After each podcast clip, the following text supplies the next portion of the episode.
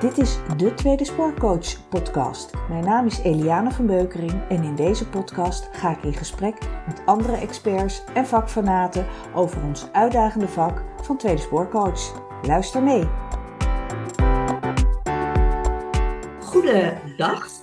Bij mij hier aan uh, tafel, eigenlijk online, heb ik Nicole Belaander van de Online Sollicitatieacademie. Welkom, Nicole. Wij kennen elkaar al een heel poosje, hè? Zo'n 16 jaar?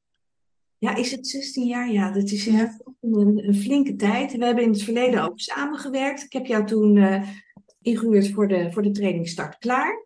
In jouw functie als uh, nou ja, recruiter om mensen. Start Klaar was een training waar werkzoekenden uh, geholpen werden om nou, beter te, te solliciteren eigenlijk. Hè, en daar helemaal start klaar te maken. En het onderdeel wat jij voor je rekening nam was vanuit jouw kennis en kunde mensen meenemen van hoe moet je nou solliciteren zodat je ook gevonden kunt worden door een recruiter. Nou, dat was, ja, was super succesvol. En jij bent in dit werkveld uh, werkzaam gebleven. Ja, klopt. En uh, nou, wil je jezelf even verder voorstellen? Want ik vind het spannend om weer met jou in gesprek te gaan over dit onderwerp. Dus ja, nou hartstikke leuk. Nou, ik ben Nicole Lander. Ik ben nu uh, meer dan 20 jaar recruiter. Uh, ik ben ook 18 jaar zelfstandige geweest, uh, maar sinds januari dit jaar als practice lead recruitment bij KVK in dienst gegaan. Dat was wel een dingetje, maar daar zaten zoveel mooie uitdagingen in dat ik zoiets had van, nou, dat, dat was echt een offer I couldn't refuse. Maar daarnaast heb ik ook in coronatijd eigenlijk. Uh, ik heb ook tien jaar eh, ervaring in de outplacement als uh, jobhunter, arbeidsmarktmakelaar. Um, dus echt aan de werkkant.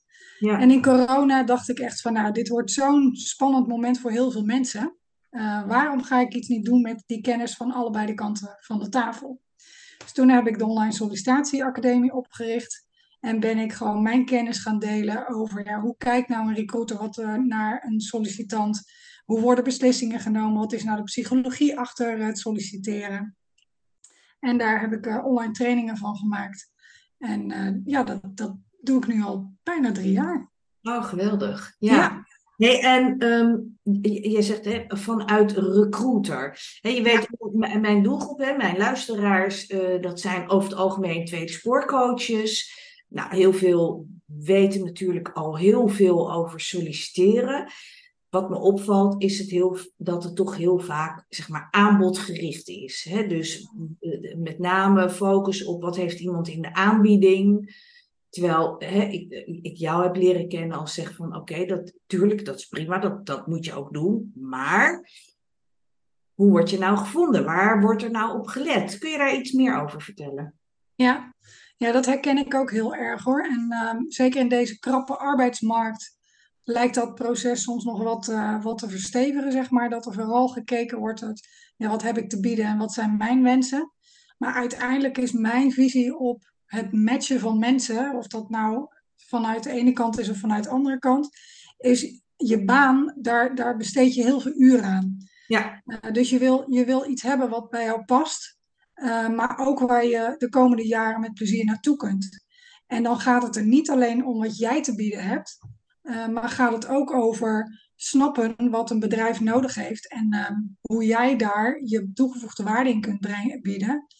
Want dat is uiteindelijk wat je wil, hè? dat het van beide kanten een, uh, een match is. Dus hoe beter je snapt en je kunt verplaatsen in de ander, hoe beter je ook een uh, beeld krijgt voor jezelf van, van of dit iets is wat echt bij je past en waar je de komende jaren weer gewoon een, met werkplezier naar je werk kunt.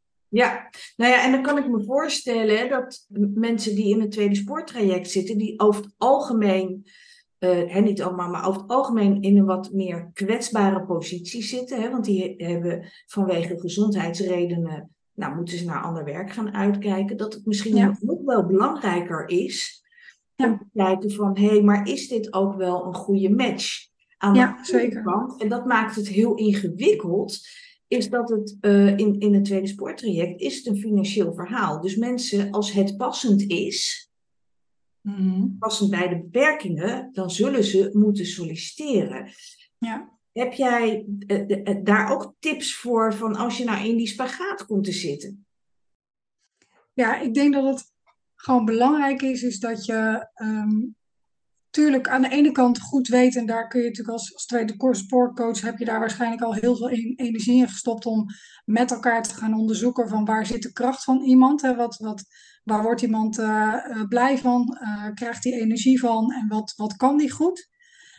dus dat is, heel, dat is een belangrijk uitgangspunt.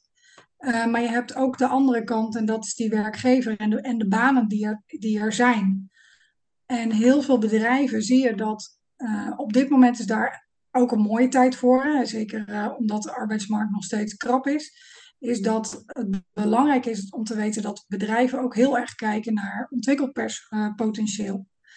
Dus als je gaat zoeken naar een andere baan en je zit nog in een positie waarbij je misschien nog wat, nou, nog niet volledig in je energie zit, of uh, misschien nog wat onzeker bent over of je wel weer kunt wat je, wat je wilt dat je kunt, is ook te kijken van, naar de cultuur van een bedrijf, uh, maar ook naar ja, de banen die je interessant vindt. Is dat dan gelijk de baan waar je in wilt stappen?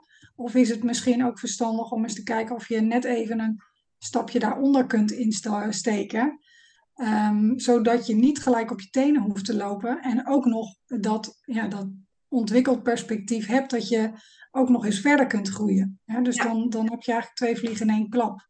Dus ik denk dat dat heel belangrijk uh, is om, uh, om dat goed te onderzoeken. Ik, uh, ik krijg vaak de vragen vanuit recruitment, krijg ik vaak de vraag van, joh, ik heb iemand die moet reintegreren, kun je eens meedenken wat iemand zou kunnen? Ja, en dan is niet het eerste wat ik doe kijken naar vacatures. Dan is het eerste wat ik doe kijken naar, natuurlijk ook naar vacatures, maar meer van, oké, waar, zit dan, waar zit dan de kans voor iemand? Hè? Waar, waar kan iemand zonder dat hij al te veel onder een bepaalde druk staat, um, waar kan iemand dan landen? Dus dan ga ik vaak kijken of ik een netwerkgesprek kan organiseren met een manager. Um, ik spreek zelf vaak een kandidaat om even te kijken van ja, wat, wat voor competenties brengt iemand mee.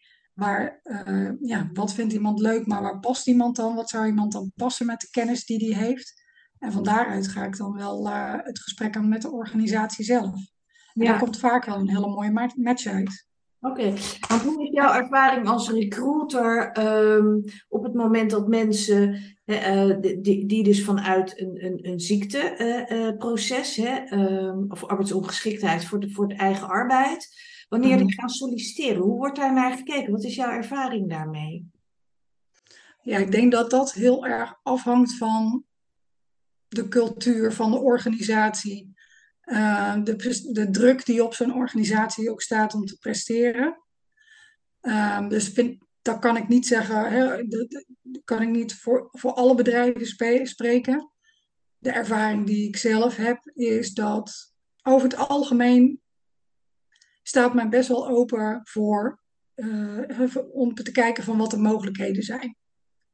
Uh, ik denk dat het heel belangrijk is om op een bepaalde manier transparant te zijn hè, als iemand er nog niet helemaal is. Mm-hmm. Want niemand heeft er wat aan dat je een soort verkoopverhaal vertelt en dat iemand achteraf toch niet kan, uh, uh, toch niet kan leveren, zeg maar. Want dat, ja. dat, levert alleen maar frustratie op. Maar ik heb ook wel eens meegemaakt ehm, dat, dat iemand nou, niet aangeboren hersenletsel had.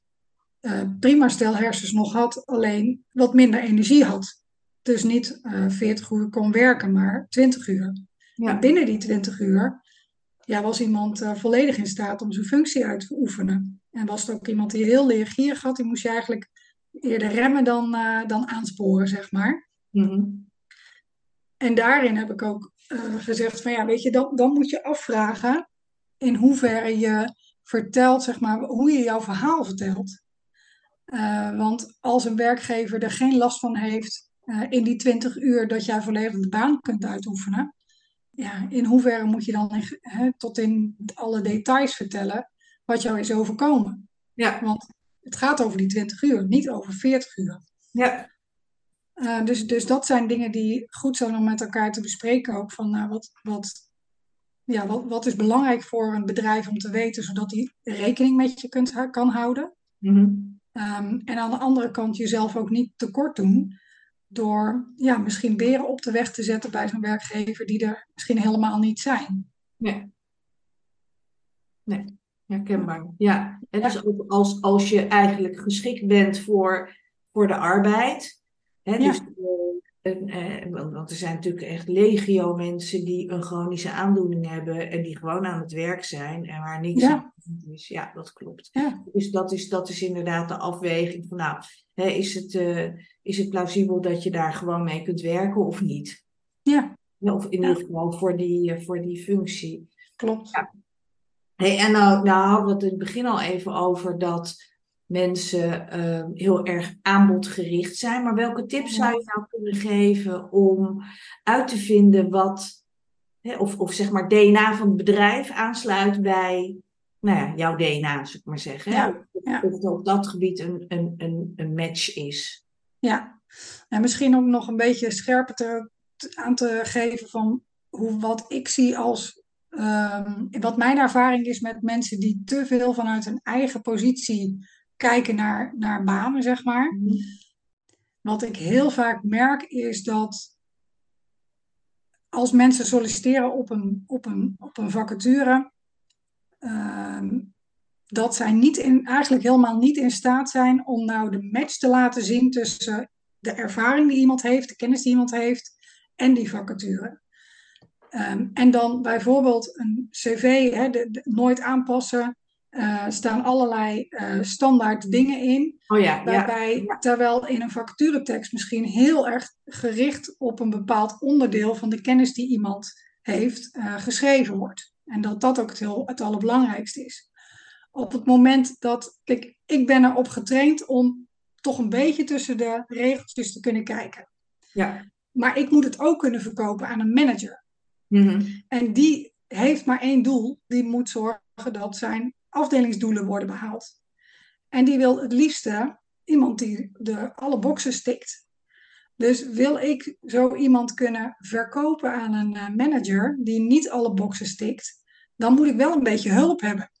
Dan moet iemand mij wel een beetje helpen eh, door het cv wat meer te schrijven van oké, deze ervaring is, heb ik opgedaan en een beetje de gelaagdheid kunnen laten zien in een cv.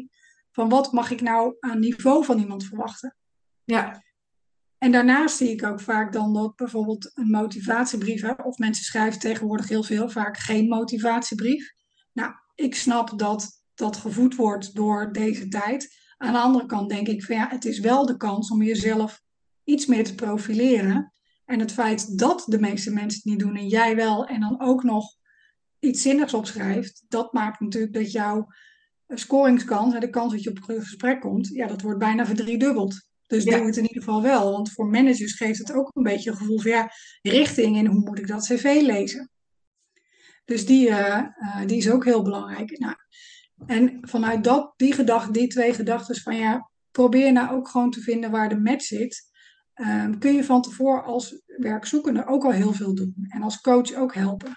Ja. Uh, cultuur is voor heel veel mensen belangrijk. Vaak is het nog niet eens zozeer of iemand de beste in zijn baan, oh, in zijn werk is, maar of die de juiste competenties heeft. Hè? Of die leergierig is, goed kan samenwerken, goed kan communiceren. Dat zijn vaak veel belangrijke, uh, een bepaalde integriteit heeft. Hè? Dat zijn vaak veel belangrijke pijlers voor succes dan alleen maar een diploma. Ja. ja, dan zit je ook denk ik op waarde- en normenniveau, of niet? Ja, Ja, Ja. precies. Ja, en, en, ja, en, en ja, de- inderdaad, die competenties die iemand eh, ontwikkeld heeft. Dus als je van daaruit gaat kijken van eh, eh, wat past bij, een, bij, een, bij iemand, dan zou je kunnen zeggen als iemand bijvoorbeeld heel erg houdt van een gestructureerd eh, werk ehm, en zelf ook heel erg volgens de regels is of, of eh, het liefste goed weet waar die aan toe is of en duidelijke processen ziet dan is het misschien niet zo verstandig om bij, heel gechargeerd gezegd, bij een start-up te gaan solliciteren. De kans dat je dan succesvol wordt, is niet zo heel groot. Want je zult zoveel gevraagd worden om mee te gaan bij, bij ja, ontwikkelingen waar, dus, waar ze in doorgaan, Ja. dat dat gewoon niet gaat passen. Daar gaat iemand waarschijnlijk stress van krijgen. ja, precies. Terwijl die misschien wel de juiste papieren heeft. Ja, Ja. Of het juiste ke- kennisniveau, maar zeggen. Ja, precies.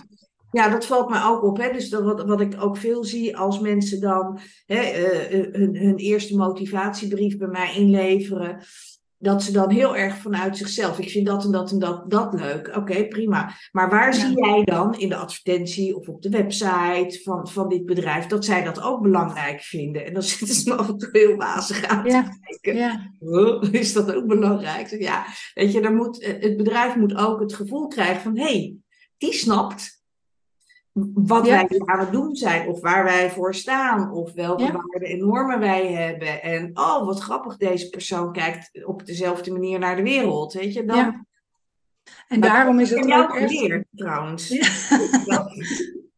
Ja, en, en uh, wat ik gewoon ook jammer vind, is dat um, mensen toch zo, als ze, als ze bijvoorbeeld op gesprek mogen, dat ze toch niet goed weten van wat ze van zo'n gesprek mogen verwachten. Dus als er gevraagd wordt om voorbeelden te geven uh, hè, over wat, wat iemands ervaring is, blijven heel veel mensen bijvoorbeeld in algemeenheden praten. Hè, dan mm. hebben ze het vaak over wij. Uh, wij hebben toen dit gedaan en toen hebben wij dat gedaan. Het zijn vaak prachtige verhalen. Ze zullen ongetwijfeld waar zijn. Maar ik als toehoorder heb geen idee wat iemands precieze bijdrage is geweest aan dat succes. En dat maakt dat je dan, dan, dat zijn van die gesprekken dat je denkt aan het eind, nou, het was een hartstikke leuk gesprek, maar ik heb eigenlijk nog steeds geen idee wat hij nou gedaan heeft, hè, wat die persoon nou kan en uh, of die nou echt past hier of niet. Ja. Dus dat is ook wel heel belangrijk om daarin uh, uh, iemand te helpen voor te bereiden op zo'n gesprek. Zorg dat je echt met concrete voorbeelden komt. Um, ja, volgens de STAR-methodiek. Dus maak een situatie, Welke taak heeft iemand daarin gehad? Welke actie heeft iemand genomen? En welk resultaat is daaruit gekomen? Nou, daar kun je hele mooie voorbeelden bij bedenken. Ja, zeker waar. En, um, en dan merk ik natuurlijk ook dat, dat daar dan wat weerstand zit, soms bij mensen die in een tweede sporttraject zitten. Dat die zeggen, ja, maar ik ga nu solliciteren naar iets wat ik nog nooit heb gedaan. Mm Dan probeer ik zelf altijd de linkjes te leggen naar, oké, maar wat heb je dan in je privéleven gedaan? Hè? Of, of wat doe je in de hobbysfeer? Kunnen we daar nog iets uit halen? En ja. vaak merk je dat je daar nog heel veel uit kunt halen. Heb je op dat vlak ook nog tips of, of aanvullende ja. tips?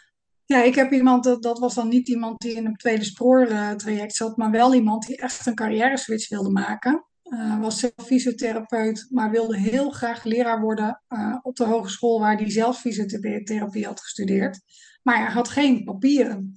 Um, en dan kun je dus niet zomaar even een halfjaartje even je papiertje erbij halen. Dat kost je wel even wat investering. Ja. En we hebben toch uh, ja, echt gezeten voor de vacature te analyseren. Echt nog eens navragen in zijn netwerk van wat zoeken ze nou precies. Uh, hoe belangrijk is dan die opleiding en wat zijn de kansen om op school zo'n uh, zo'n opleiding te volgen? Uh, heel erg gezeten op zijn ehm, vrijwilligerswerk ook, waar hij heel veel training had gegeven aan pupillen. En heel veel daarin ook had georganiseerd. En een hele grote sterke motivatiebrief geschreven, waarbij hij echt iedere keer de link legde, vooral in die competentiesfeer, want daar moet je het dan van hebben. Mm-hmm. Niet zozeer van die ervaring, maar juist die competenties. En uiteindelijk is hij uitgenodigd als carte blanche, omdat ze zo nieuwsgierig waren naar hem vanwege zijn brief. Ja. En hij heeft ook de baan gekregen. Um, dus ja, je moet soms een beetje geluk hebben natuurlijk. Maar je kunt ook heel veel doen om dat geluk af te dwingen. Als je je van tevoren heel erg verdiept in waar jij op solliciteert. Uh, dus bel ook gewoon zo'n recruiter of kijk of je mensen kent in je omgeving die bij zo'n bedrijf werken of die zo'n functie hebben uitgevoerd. En ga gewoon kijken van maar waar zitten nou de overeenkomsten, waar zitten de verschillen en hoe kan ik dan toch mensen overtuigen van het feit dat ik en het enthousiasme ervoor heb, maar ook over de juiste competenties uh, beschik. Um, en um, ik adviseer zelf altijd van als je echt een hele grote stap maakt, kijk inderdaad in je hobbysfeer of je iets meer kunt doen om bepaalde kennis op te doen. Of ga vrijwilligerswerk doen uh, waar je uh, bepaalde kennis op kan doen. Zodat je dat cv ook uh, opbouwt langzaamaan. Ja. Ja, ja, gelukkig kan je in, in tweede sporttrajecten vaak ook wel gebruik maken van werkervaringsplekken. Hè? Dus waar, ja. mensen, waar mensen dan om niet gedetacheerd worden en, en nou ja, dat ze alvast wat aan elkaar kunnen snuffelen. Dus zo zijn er natuurlijk wel wat, uh, mogelijkheden om, nou ja, toch, toch een, een, bedrijf binnen te komen, zou ik maar zeggen. Maar goed, even goed moet je dan natuurlijk nog wel um, uh, zorgen dat je uh, aan tafel komt. Ja. Dat er ergens nog een, een, een, match is. Ja. ja. Zijn er nog andere tips die jij kwijt wil voor deze podcast? met name ook voor, voor tweede spoorcoaches die dit hele proces begeleiden. Ja, nou mijn ervaring is dat het is best wel spannend hè? als je echt weer die arbeidsmarkt op moet. Uh, zeker als je een periode hebt gehad waarin veel onzekerheid is geweest. Dus mijn tip zou echt zijn, kijk ook of mensen een netwerk kunnen opbouwen van recruiters of mensen die, nou ja, die, die ze vertrouwen. Om gewoon eens gesprekken te voeren en te oriënteren op wat is er nou allemaal. Want er is zo ontzettend veel verschillend soort werk. En de kunst is om gewoon, ja, vaak is het toch je netwerk waar je het dan van moet hebben, hè, of die je kan, kan helpen. Um, ja. Ja, dus ga dat doen, want dan kom je er vanzelf achter dat het ook maar mensen zijn met wie je in gesprek bent. Hè, de, ja, want het is heel spannend als je op sollicitatiegesprek, maar ja, mijn doel als recruiter is iemand ook gewoon gerust te stellen, want ik heb er niks aan als ik iemand voor me heb zitten die zo zenuwachtig is dat hij niet meer zichzelf is. Dus op het moment dat je Um, dat je, als je het spannend vindt om, uh, om met mensen in gesprek te gaan, begin dan heel dichtbij. En ga steeds een stapje verder naar steeds meer vreemde mensen of mensen op posities waar je denkt, nou, dat vind ik toch wel heel eng, maar ja. langzaamaan groei je daar dan naartoe. En dat maakt dat, dat iemand ook, ja, de, de, ja, moet dat zeggen, wat, wat losser en wat vrijer en ook met wat meer vertrouwen in zo'n gesprek zit, waardoor de kans op een succes natuurlijk ook groter wordt. Ja, ja. Ja, ja mooi, mooi. Ik vind het een mooie afsluiting, Nicole. Ja. ja. Nou ja, dan, dan wil ik jou in ieder geval hartelijk bedanken voor, uh, voor deze toelichting in, uh, ja. in de podcast. Superleuk om weer met je in gesprek te zijn. Ja. Um, uh, nou, je, je, hebt al aangegeven dat je een mooie aanbieding gaat maken voor, voor de luisteraars. nou, die komt dan straks onder de podcast te staan. Dus daar kunnen mensen dan uh, straks uh, ook uh, kijken naar jouw aanbod.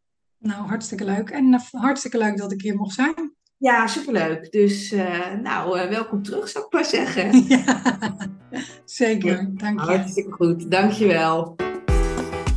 Ben jij tweede spoorcoach? Heb je vragen of wil je even sparren? Zoek mij dan op via www.tweedespoorcoach.nl